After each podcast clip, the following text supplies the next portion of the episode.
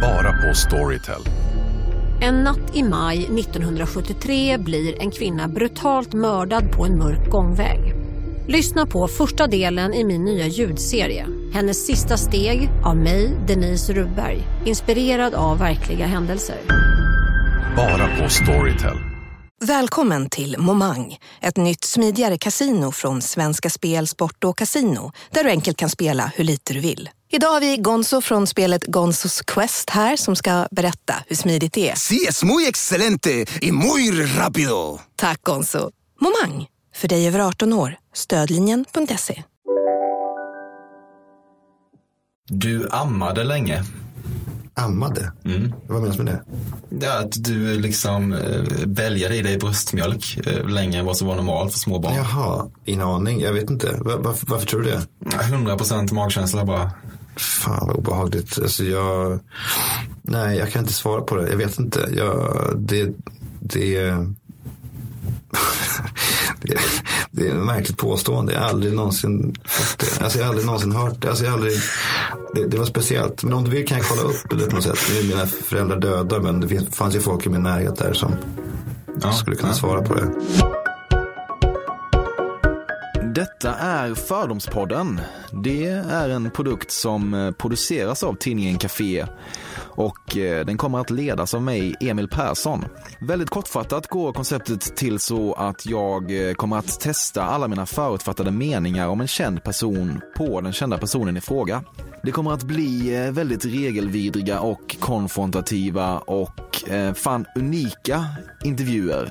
De eh, kommer att gå emot allt sånt som man får lära sig på, eh, inte sällan lite högtravande journalisthögskolor. Där det predikas öppna frågor och sådär. Men eh, jag tror att det är så man måste bete sig om man nu ska få fram helt nya svar. Den eh, första gästen i Fördomspodden eh, är då Alex Schulman och eh, jag har noterat att det är väldigt populärt att beskriva Alex som en mediepersonlighet. Vilket eh, väl betyder att han gör lite av allt. Han eh, har en egen podd då ju med Sigge Eklund som eh, är störst i Sverige tror jag. Han skriver böcker, krönikor, ja, gör föreställningar, syns i tv. Det känns eh, patetiskt att ge en superbakgrund på Alex Schulman i en podd 2016 så eh, jag tycker att vi eh, kör igång istället.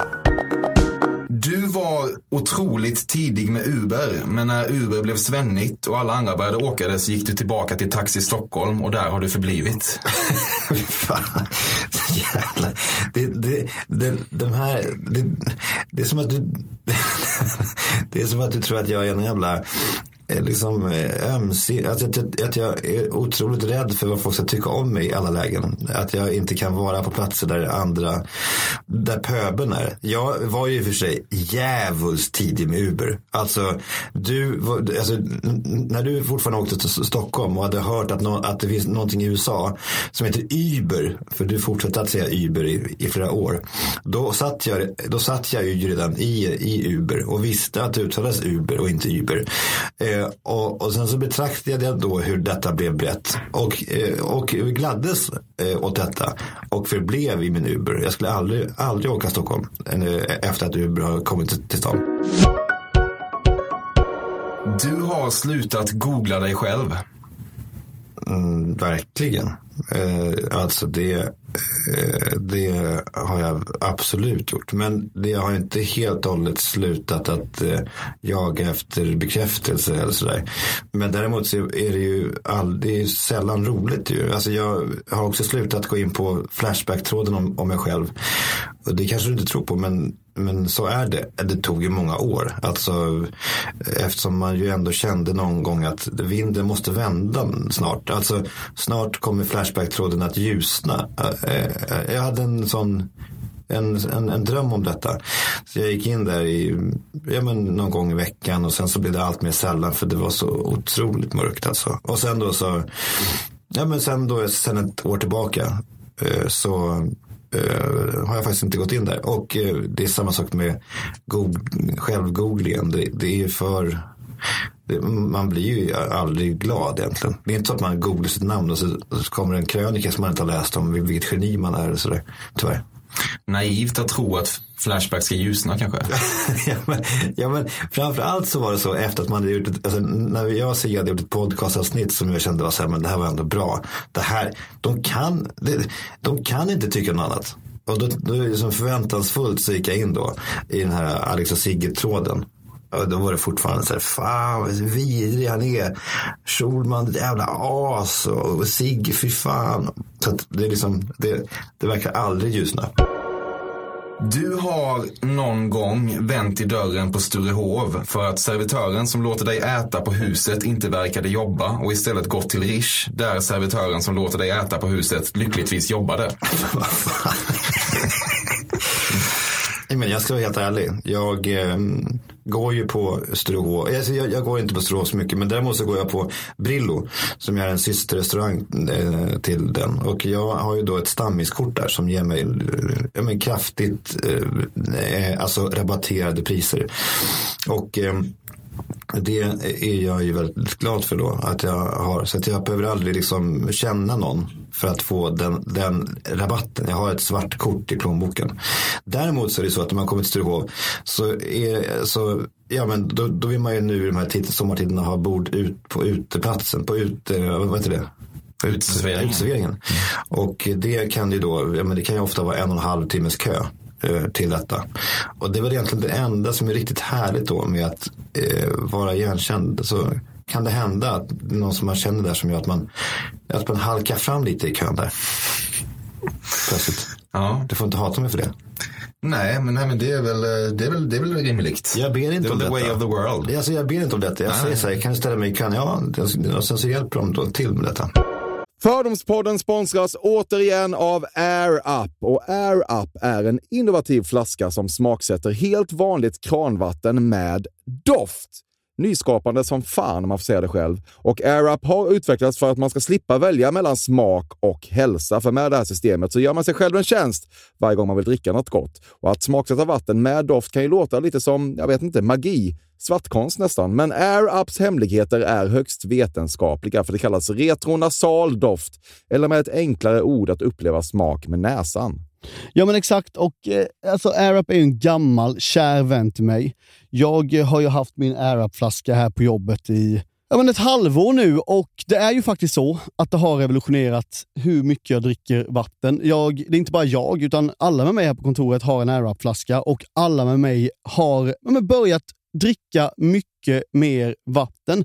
Och Anledningen till det är ju precis som du säger, de här poddarna, så små liksom, vad man säga, plasthöljen som man sätter på din Arab-flaska för att få smak.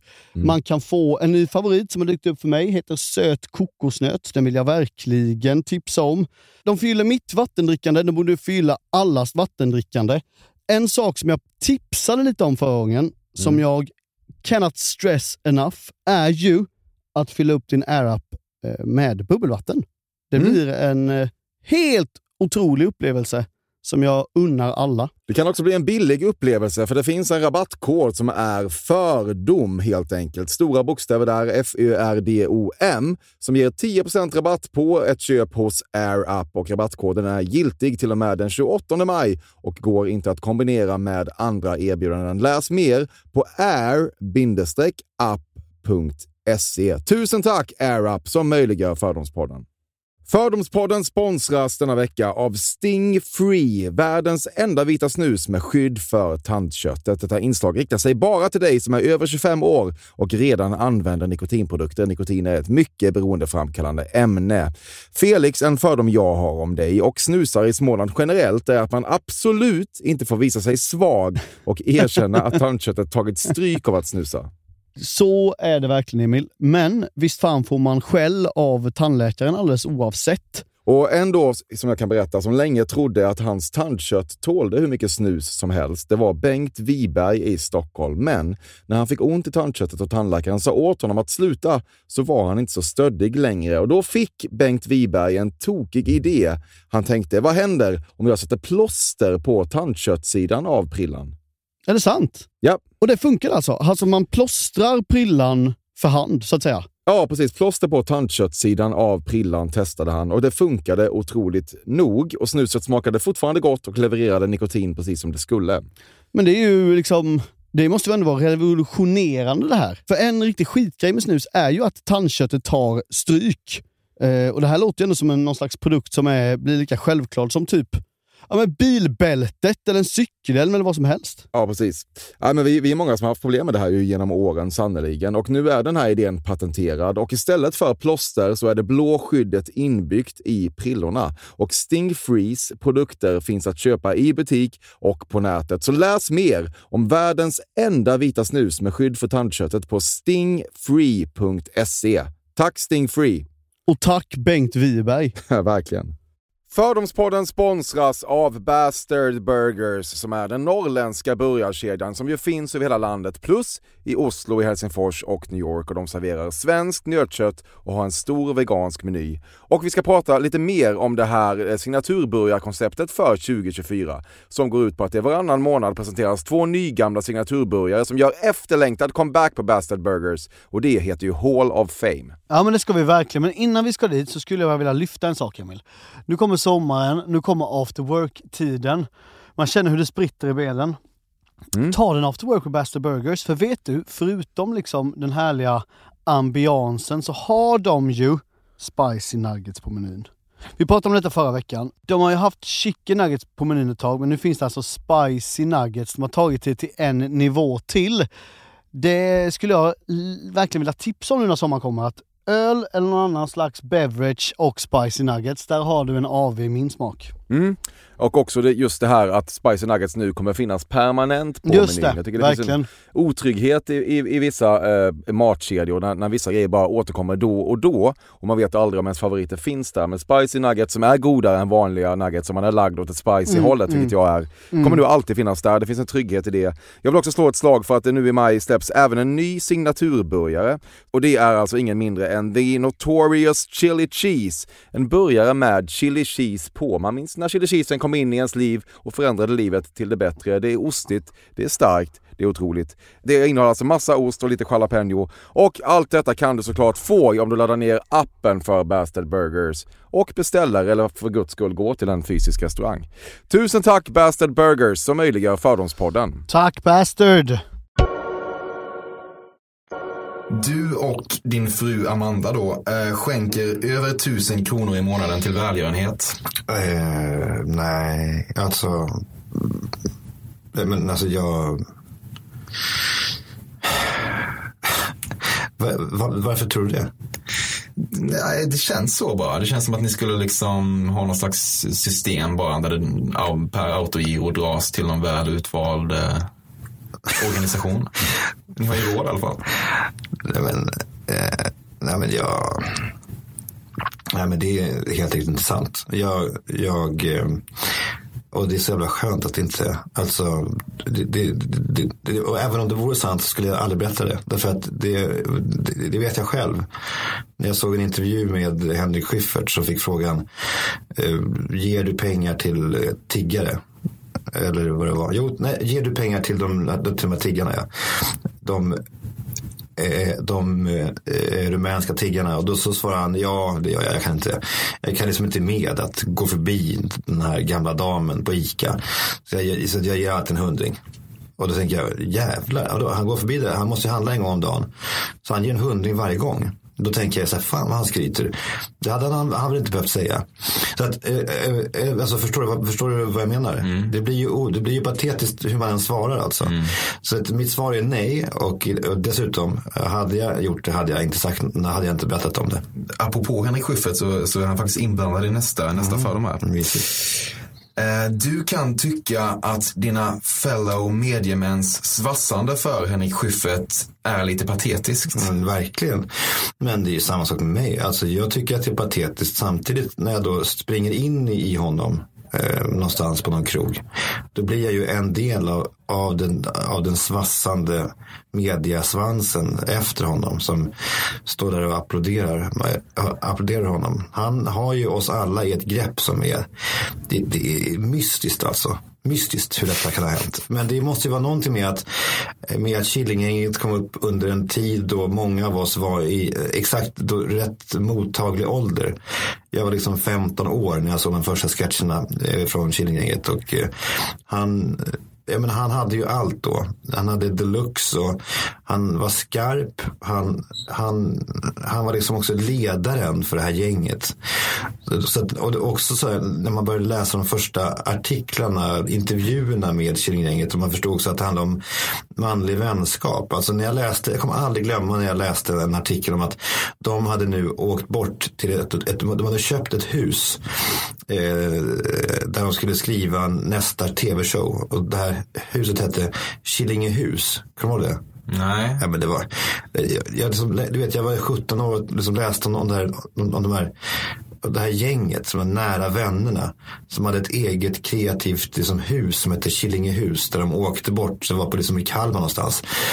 Där de satt och skrev och liksom, var kreativa. Allt, alltså, det, var, det var ju drömmen om allt. Alltså, min, det var ju precis det där man ville med sitt liv. När man var 15, 16, 17 år. Och allt det där gjorde han då. Eh, det är ju det första. Sen är det ju också så att han då i takt med att han har blivit äldre och liksom börjar, ja men han börjar ju reflektera mer och mer över sin, sitt verk så att säga. Alltså varje gång som han lägger ut en gammal sketch från eh, Killinggänget på sin Insta eller sin Twitter så blir jag ju mer och mer bedrövad. Därför att det, är, ja, men, därför det är ju då en, då har ju han ju blivit en farbror som, som minns hur härligt det var förra om åren när han var poppis. Ja, och sen så är han ju otroligt fåfäng då. Han har, jag vet inte om du följer honom på Insta, han lägger ut så otroligt mm. märkliga bilder på där han liksom visar biceps och han tar selfies. Och han, gör, han gör det liksom i ett metaperspektiv som, alltså, alltså jag tror att han tror att han kommer undan med det, men för mig är det väldigt tydligt ju.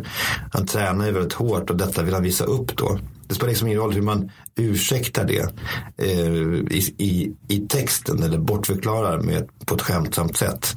Det är ändå en 50-årig man som vill visa att, att han tränar. Och det tycker jag, eh, med mycket annat med, med honom, är liksom fånigt då. Och därför blir jag då otroligt störd på hur folk dyrkar honom. Samtidigt som jag blir eh, ännu mer störd på mig själv när jag också står där sist i kön av, av de som hyllar honom när man träffar honom. Ja, det är otroligt märkligt alltså vilket, vilket grepp han, han, han har oss i alla. Du har för länge sedan i ett slutet sammanhang på en sluten fest sett någon dra kokain direkt från bordet på någon av, av Östermalms klassiska och finare krogar? Nej, ab alltså, absolut inte. Det enda gången jag har varit med om, om detta, det var alltså när jag började på eh, Stureplan.se, eh, alltså år 2006 eller 2007. Och då, då träffade man ju, liksom, då, då fick man ju massor med nya kontakter och sådär. Och då var det en av de här kontakterna som sa, jag ska ta middag, jag ska ta middag i helgen på Teatergrillen. Eh, och det är liksom, det, han är ju då en halvkändis kan man väl säga. Och det, det var liksom ett gäng då, så det var fyllt av massor med offentliga, eh, offentliga personer som jag inte kände. Jag tyckte det var ganska coolt att få vara med liksom, på den här middagen. Så där. Det var en stor kväll för mig, för mig helt enkelt. Under, efter förrätten, då sa då en av de här männen, eh, jag ska bara upp och köpa kvällstidningen. Och då så nickade de andra så här, ja jag fattar, jag gör det, gör det. Köp en Expressen till mig. Och jag fattade ingenting. Jag fattade det inte det klassiska tomtealibit. Ja, jag fattade inte varför han skulle köpa kvällstidningen. Mitt, jag fattade inte, alltså, jag var helt lost alltså. Och så kom han tillbaka eh, och eh, då hade han alltså, och det här var ju då, jag tyckte det var speciellt, för att han, då hade han då små, små kuvert eh, som man delade ut under bordet till alla. Och jag tog emot ett kuvert, jag visste fortfarande inte vad det var alltså. Eh, och eh, då, då, såg jag då att det var kokain i. Då hade han då köpt kokain till alla. Och alla liksom tog emot de här kuverten och så gick de då parvis på toaletten då under, eh, eh under kvällen. Och eh, det var ju då ganska chockerande för mig.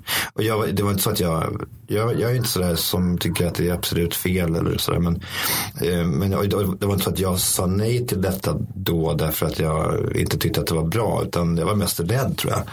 Alltså rädd för att, någon, för att polisen skulle komma. Så att jag sa till honom att jag inte ville ha, ha då det här.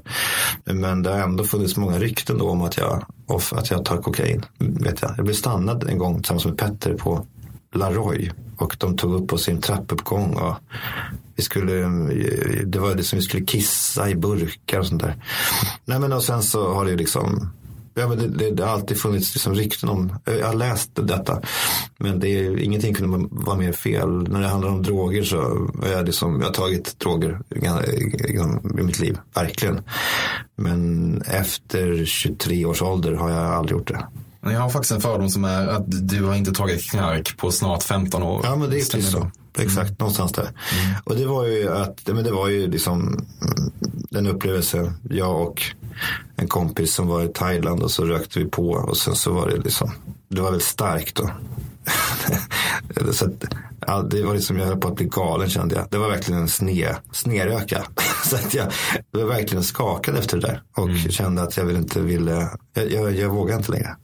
Det var hemskt alltså. Men jag har varit med om bra grejer också. Jag har tagit sådana svampar. Har du provat svampar någon gång? Nej. Ja, men det var fantastiskt alltså. När jag var typ 17 eller sånt där. I, på Bali. Då åt man sådana här magic mushrooms. Och, alltså jag ska inte hylla detta. Men det var ändå. Det var liksom otroliga hallisar minns jag.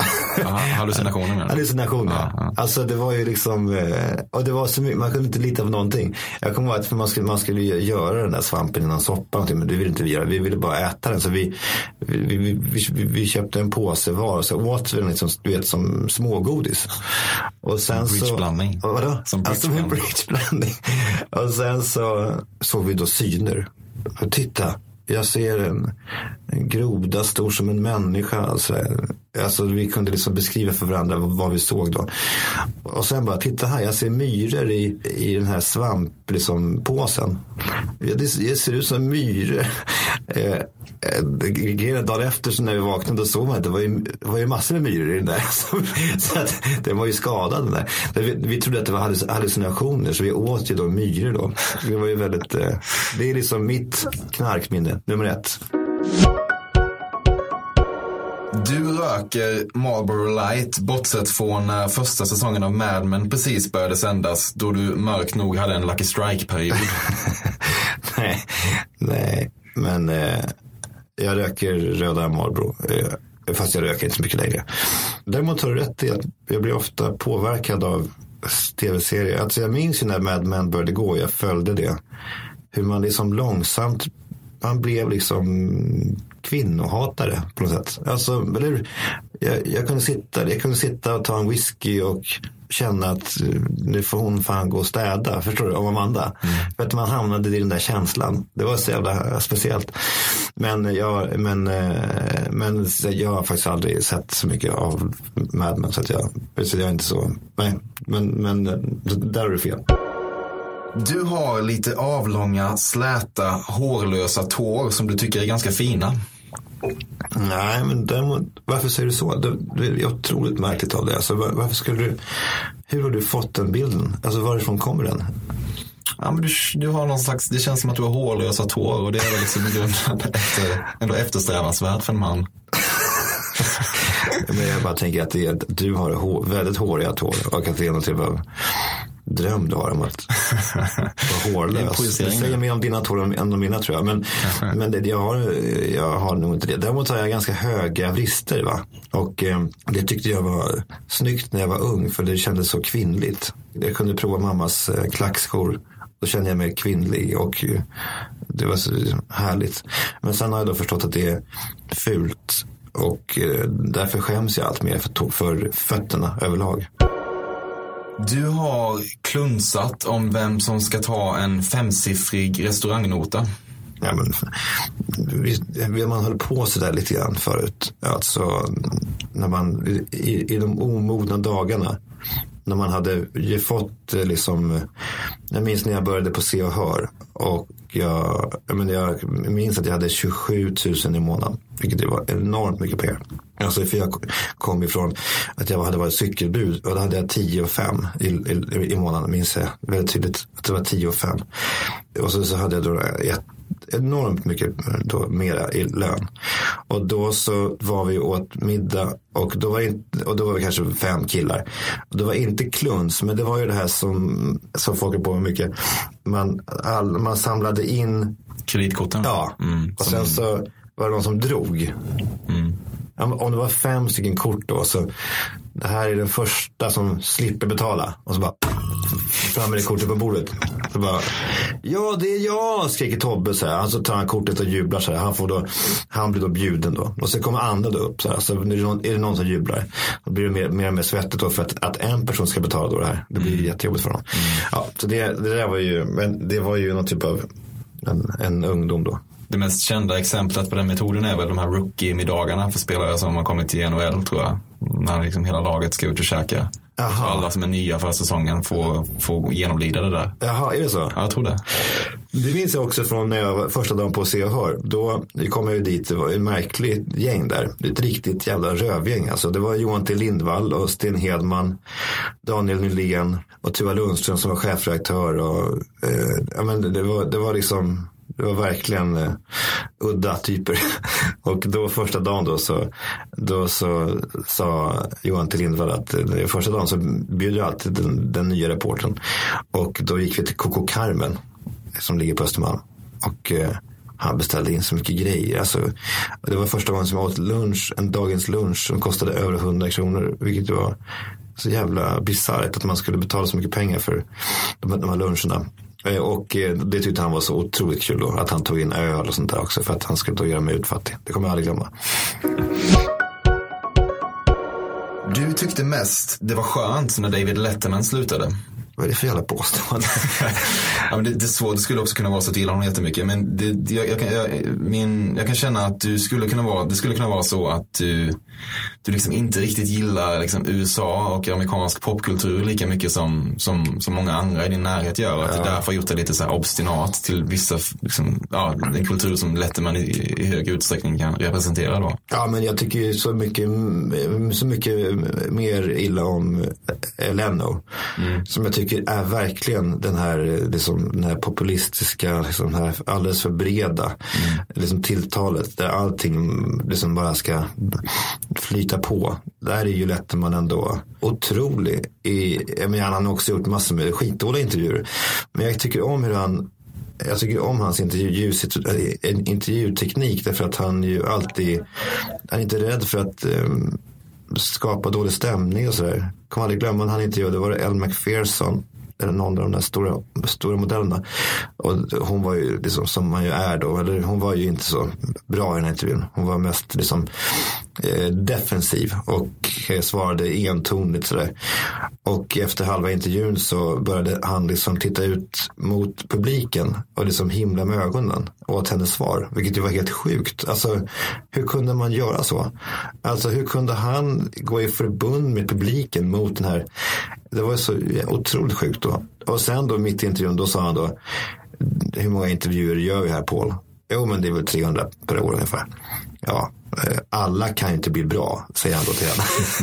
och hon vet inte vad hon ska säga och alla jublar. Och det är liksom att våga det där. Sen så kanske, nu, nu kanske folk uppfattar det här som att han som man trycker dit en kvinna. Men, men det var inte så alls jag uppfattade det då. Eh, och det var inte, det, det är inte heller typiskt honom.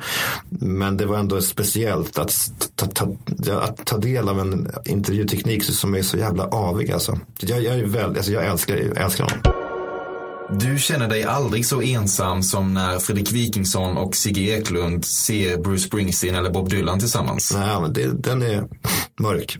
Ja, nej men det gör jag. jag. Jag kan känna mig ännu mer ensam när Wikingsson och Sigge gör någonting som jag skulle tycka om också. Därför att jag menar, det är ju det är väl rimligt att de åker till att de åker och kollar på Dylan och att jag inte är med för att jag är inte så råd av Dylan. Men eh, om de två, till exempel eh, Tarantinos nya film, de går, går och kollar på den utan att höra av sig till mig och jag får se en Instagram-bild där de tar en whisky innan de ska in i biomörkret. Då blir jag ju väl, då kan jag ju bli otroligt sorgsen. Alltså verkligen ledsen på riktigt alltså. Det är ingenting som man berättar eller som man säger kanske men, eh, till dem. Men då blir jag liksom, det är fan hemskt alltså. Och det beror ju på att jag, jag är ju liksom väldigt, eh, jag är väldigt förtjust i både Sigge och Fredrik. Och jag kan vara ledsen när jag då ser att de förvisso eventuellt är förtjusta i mig men att de uppenbarligen är mer förtjusta i, i varandra. det, det, det är liksom skapar ett, en tomhet i mig. När någon extern person gifts in i namnet Schulman så händer det att du tänker för dig själv. Absolut, jag unnar dig detta och du är hjärtligt välkommen in i familjen och så vidare. Men du ska ändå ha klart för dig att jag har jobbat hårt för de fördelar du nu kommer att tilldelas lite väl enkelt. Men vad fan är det för fördelar? Det, det är jävla, det, det, det, det är sjukaste du har sagt. Ja, men det är bättre än att heta Persson. Ja, det är sant. Det, men jag undrar. Det är som sagt, det, finns ju, tyvärr så finns det inte. Det är ju egentligen den största, liksom, det, mest sorgliga som jag får höra när det handlar om så här, skitsnack. Det är att man har ett efternamn som gjort att man har kommit fram i, i karriären. Det, det, är verkligen så falskt som det kan bli. Jag, alltså det finns ingen som, alltså min pappa var ju en tv-producent på 60-talet. Det finns, ingen idag i media som Sverige i någon chefsposition som eh, har något förhållande till honom eller som skulle hjälpa mig bara för att min pappa för 40 år sedan. Nej, nej, men du har ju mer name value idag ju. Jag vet, men det är väl något, i så fall något som jag har byggt upp själv då. Exakt, det är ja. det som är poängen med frågan. Ja, just det. Och, och därför skulle då ingifta, alltså, nej, ja, jag, jag, jag, kan inte ens, jag kan inte ens börja svara på det.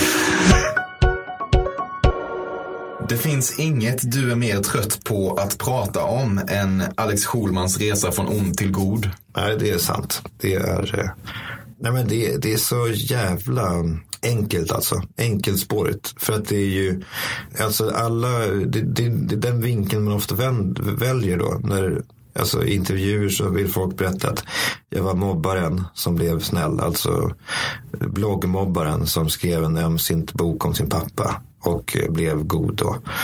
Och eh, jag försöker då, jag försöker alltid förklara för de här reportrarna att sanningen är nog att jag var, jag var Eh, jag, jag, jag, var inte ond då och jag är inte go god nu. Alltså det finns, inget, det finns, det finns ingen sån historia.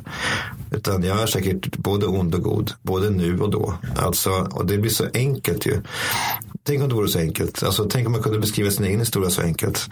Men det, det går ju inte. Men, och det är därför som jag alltid blir så ledsen. Eller jag blir inte ledsen, men jag blir alltid det, det, är aldrig intressant för mig att läsa den typen av texter eh, om andra heller. När liksom vinkeln är färdig. Det är därför jag har svårt för filter till exempel. Därför att det känns som att de har bestämt historien. Alltså, alltså redan före reportern har träffat sin första intervjuobjekt. Så är storyn avgjord. Och det, eh, det, då förlorar man ju väldigt mycket. Nyfikenheten till exempel som reporter måste ha. Och så där. Det är samma sak med när de ska då intervjua mig och de har bestämt sig för den här vinkeln. Då blir jag, då blir jag tung och trött på en gång. Det finns en grusväg på Gotland vars bevarande du slagits för på ett lite fånigt provinsiellt sätt. Du har kanske skrivit ett personligt brev i bläck till något kommunalråd och så. Där du dessutom skrivit under med hela ditt namn, Alexander Schulman, för att verkligen illustrera oerhörd seriositet. Nej, men du har ju ändå rätt i detta. Och det är inget som jag är stolt över. Men det fanns ju planer på, eftersom på den här grusvägen så ligger då vår gård. Och eh, där ligger också ett bageri. Och det här bageriet är väldigt populärt på sommaren och då kommer det mycket bilar som rör upp damm där eh, på den här grusvägen. Och då har det varit på förslag att asfaltera grusvägen. Vilket har gjort mig otroligt eh, skakad.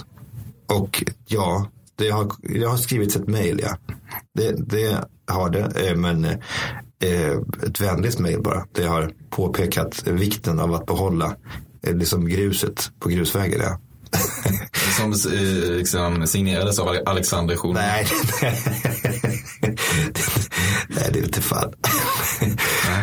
det kommer jag inte ihåg. Ja, men, men, möjligen ja. ja det, det kan nog vara så. Så här i efterhand blickar du tillbaka på eh, boktiteln Att vara med henne är som att springa upp för en sommaräng utan att bli det minsta trött. Alltså en bok som var en kärleksförklaring till eh, din blivande fru Amanda. Mm. Eh, och känner att den titeln kanske ändå gränsar lite grann till pekoral och du hade med stor sannolikhet döpt boken till någonting annat idag. Men hela boken är pekoral, tyvärr. Alltså den är, den är svag. Den är, det, den är, den är svag, tyvärr. Den är, alltså, men titeln är ju jämförbart svag. Jag tycker titeln i all sin patetiskhet speglar mycket av texterna faktiskt. Eh, men det finns också saker där som jag, som jag skrivit i den här boken som jag tyckte var ganska bra. Men, eh, men allt som allt så, jag, så tycker jag att den är svag. Kanske min svagaste bok, alltså som att jag har skrivit 30 böcker, jag har skrivit fyra. Men det är alltid, jag vet att Sigge, eller Sigge vill alltid håna mig för en bok jag skrev med, med Gynning, som heter mm. Privat. En mejlkorrespondens. Mm. Han tycker den är så förfärligt dålig. Det är den inte. Den är ganska bra den här boken, ska jag faktiskt säga. Alltså det finns någonting där med, alltså, det här var alltså före liksom, mejlkorrespondensens tid. Alltså före eh, liksom, Juholts mejl i DN Kultur och det blev som en form då. Så var det liksom någonting som var ganska spännande då, 2006 med, med, med det där. Men, eh, men så den är jag ändå ganska stolt över. Just, men just den här boken eh, om Amanda hade man ju kunnat jobba på lite kanske. Du har ett komplext förhållande till stekighet så tillvida att du gillar de där sammanhangen och gärna är del av dem eftersom du lyckats konservera ett slags socialist-outsider state of mind. Men du älskar verkligen när någon annan till exempel går in och drar kortet för ett helt ställe eller när du blir medbjuden på en dyr båt. Någonstans i de situationerna känner du, du dig som allra mest lyckad. Mm, verkligen. Det är intressant alltså. Du har helt rätt i det. Jag, jag älskar ju, eller jag kan ju inte leva ett sånt liv själv. För jag har inte de pengarna. Jag skulle inte kunna hyra en så stor båt på, på, på, på Medelhavet. Och därför är jag också så glad när jag, då har jag inget, inget emot att berätta om det. För det, då vet ju alla att ja, han är på den här båten men han är bara medbjuden. Alltså han har ju inte, det är inte hans resa det här. Och då har jag inget problem att berätta om det eller att liksom ta bilder på Instagram. Då är, jag, då är jag väldigt glad alltså. Jag är ju fascinerad av människor som har och gör av med enorma summor pengar. Det tycker jag är jag, menar, alltså jag, jag, jag var på, någon mid, på en middag eh, med ett par vänner som, alltså, det var en vän till en vän då. Han var då miljardär, eh, kom det fram. Och eh, det var spännande alltså. Han hade då bokat hela VIP-rum på V och den där, den där liksom ytan alldeles bakom DJen då. Den hade han liksom, den, den var hans och musiken släcktes ner och de spelade den här Star Wars musik och så kom det in med sån här en enorm flaska champagne jag skulle ju ha ont i magen såklart om det hade varit min nota. Men när jag kan vara så där nära och betrakta den där galenskapen då blir jag ju väldigt fascinerad av det. Alltså, och det, jag tror att du har rätt i det. För jag är fortfarande en iakttagare. Och det är ju viktigt som fan. Därför att jag, det är framförallt så jag, det, det, det, det är därför jag njuter. För jag vill liksom titta och, och förstå och kunna beskriva i efterhand och sådär. Men det finns också en annan sak. Alltså jag spar, jag lägger ju ner enorma pengar själv på att bo på de bästa hotellen i världen. Alla pengarna egentligen går åt till, till resor och otroligt dyra hotell. Och där är det ingenting som jag vill eh, iaktta. Då är det framförallt att jag vill leva det livet då. Eh, så det, det är väldigt dubbelt, precis som du säger. Om en yogamatta är på väg till dig, som gör att du för första gången hittar ditt inre lugn och gör dig befordrad på jobbet men du tackar nej för du drivs inte längre av prestation. Då finns det flera smarta sätt att beställa hem din yogamatta på. Som till våra paketboxar till exempel. Hälsningar Postnord. Nej. Dåliga vibrationer är att gå utan byxor till jobbet. Ah. Bra vibrationer är när du inser att mobilen är i bröstfickan. Alla abonnemang för 20 kronor i månaden i fyra månader. Vimla! Mobiloperatören med bra vibrationer. Här sitter jag i en ljudstudio tillsammans med ett sjölejon för att berätta att McDonalds nu ger fina deals i sin app till alla som slänger sin takeaway förpackning på rätt ställe. Även om skräpet kommer från andra snabbmatsrestauranger, exempelvis Eller till exempel Ja, precis. Du kan prata hur mycket du vill om löften att få skriva längre texter och om kontrakt som plitats ner på servetter i något slags restaurangskumrask. Men vid dagens slut var det jävligt mycket pengar och jävligt mycket pengar enbart som fick dig att lämna Aftonbladet för Expressen. Nej, alltså pengarna var ju ändå en, en, en viktig del. Det måste man säga. Det ska jag, det ska jag verkligen erkänna. Men eh, det var massor med saker som ju ändå gjorde att jag kunde gå över. Dels var det ju Jan Helin som ju är en kompis till mig. Han var ju chefredaktör på Aftonbladet. Slutade. Jag hade ju blivit erbjuden att jobba på Expressen tidigare. Kanske för ett år sedan. Men det, det, det kunde jag liksom inte göra mot Jan Helin kände jag. För det var ändå, ja, jag tyckte, tycker så mycket om honom och han är också en så bra chef att ha. Men när Jan Lind slutade och jag har ju enorm aktning för Thomas Mattsson och för, för det, det som händer på Expressen just nu som ju faktiskt håller på att gå om och förbi Aftonbladet i antal läsare online. Så att det känns som att det händer saker på Expressen om man vill vara en del av det. Så att, jag, så att det, det, det var verkligen, eh, alltså pengarna var ju, eh, var ju härliga. Eh, alltså det var ju fint. Men det hade ju, jag hade ju, men det, fanns, det var också andra saker just såklart. Längre texter, det är faktiskt sant Emil. Alltså jag, jag har ju längtat efter att skriva längre texter. Det var ditt mest diplomatiska svar idag tror jag. ja, men därför det, är så många, det, är så många, det är så många som jag kan bli arga. Jag, jag vet inte.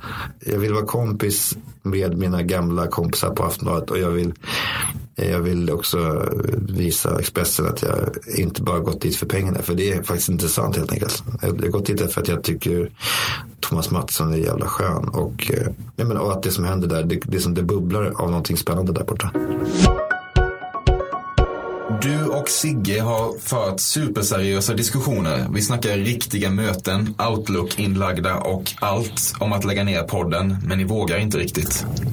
Ja, men det nej, men jag har sagt under ganska lång tid att vi måste börja tänka på att lägga ner podden. Alltså vi måste, så fort som vi känner att vi inte riktigt, alltså man vill ju alltid hamna på, en, på nya platser. Och det är ju, det, det börjar ju snart kännas som att vi gör detta av feghet mer än av kreativitet och nyfikenhet. Och samma sekund som man känner det. Jag ser inte att vi är där ännu riktigt. För att det finns fortfarande gånger då vi idag sådär, hamnar på platser där vi inte har varit förut. Och det blir liksom spännande och nytt och sådär. Men det händer ju, risken är att det händer allt mer sällan. Och att vi, ja, men jag måste, vi måste liksom bara jag, jag måste liksom vara mer, mycket mer vaksamma nu. Och jag, jag ser ett slut, alltså jag ser en horisont, jag ser att det är slut snart.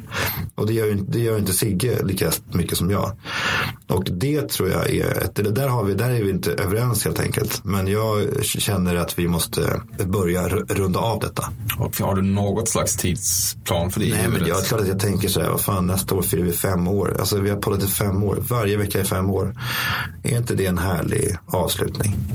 Femårsfest någonstans. Och sen så är det tack och hej. Slå Filip och Fredriks publikrekord i Globen. Ja, alltså det är klart att vi skulle kunna liksom boka Friends. Det vore ju fantastiskt kul. Ja, men göra det till en otrolig fest. Ja. Det, det vore faktiskt otroligt kul. Din juicepreferens är Cloudy Apple. Lifestyle alltså. ja, jag vet inte vad Cloudy Apple, är det ett äpple? Är det en en äppel, äpple. Ja, någon slags liksom grumlig eh, ja, eh, historia. Ljusgrumlig. Ja, ja, det, det faktiskt... smakar liksom mer äppel än den här liksom klassiska urinfärgade folkhemsappeliosen. Det är sant, jag tycker det är mycket lyxigare. Ja. Verkligen. Cloudy apple. Du var lite ledsen när eh, Periscope, som då är en tjänst och app som man sänder live med, mm. eh, aldrig riktigt eh, tog fart. Eh, och kanske, all, kanske framförallt konkurrerades ut av Facebooks live-sändarverktyg då. Men kände ändå att det eventuellt sexsiffriga belopp du och gänget runt dig erhöll från Periscope för att boosta tjänsten initialt var ganska mycket plåster på såren. Sexsiffriga belopp. Du tror att vi har fått betalt av Periscope? Mm.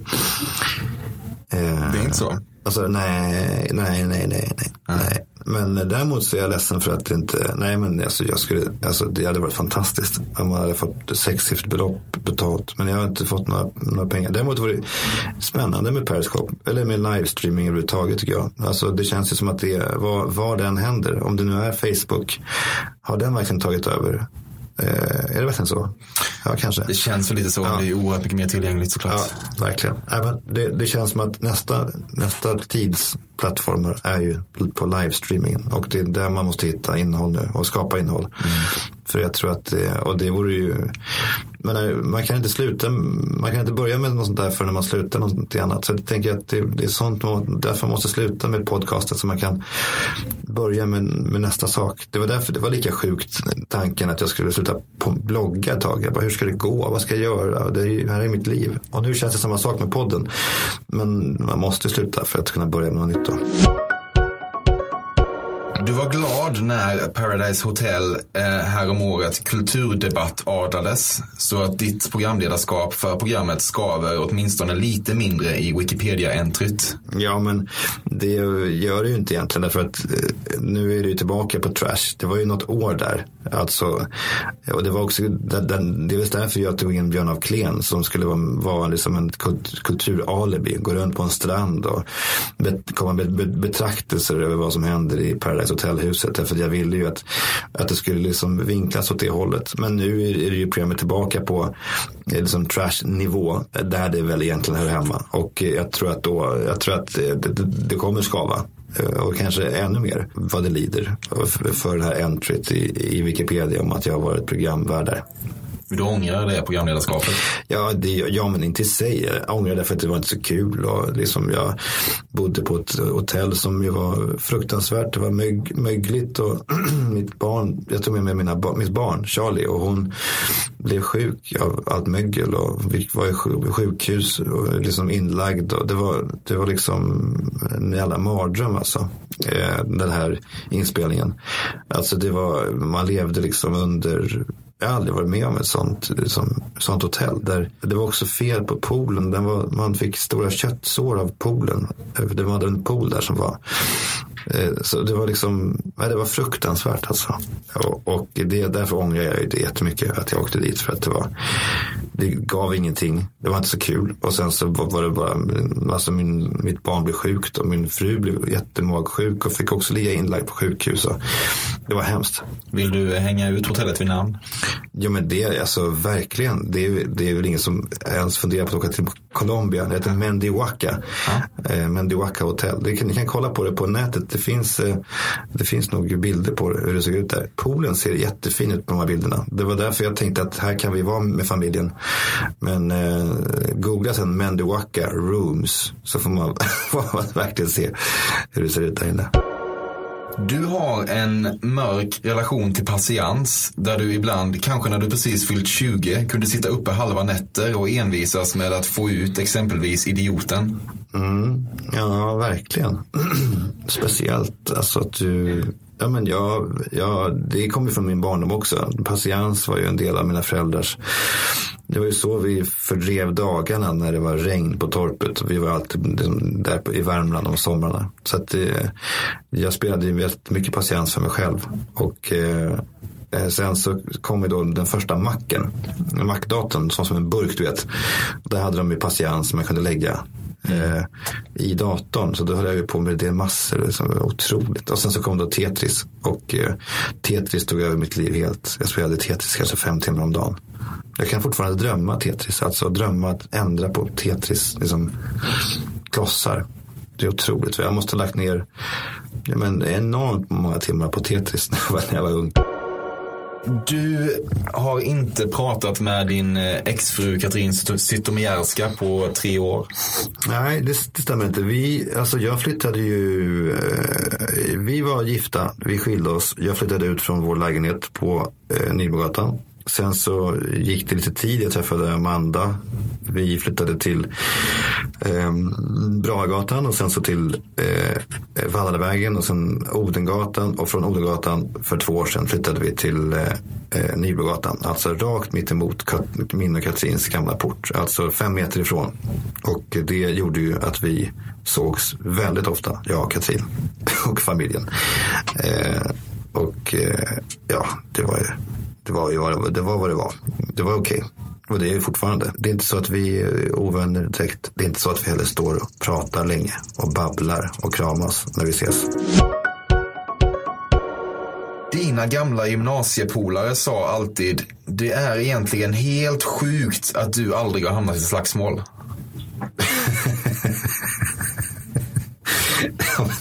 Nej, det sa de inte. Men det var ju sjukt att jag inte gjorde det. Jag var ju, jag var ju Black Army, alltså AIKs fan, fanklubb. Och eh, jag trodde ju att jag var tuff. Alltså. Eh, så att vi åkte in, satt och förkrökade och drack Norrlands guld. Och ja, men, höll på eh, hemma. Och sen så åkte vi tunnelbanan från Farsta upp till Skärmarbrink. Eh, och sen så var det AIK Djurgården.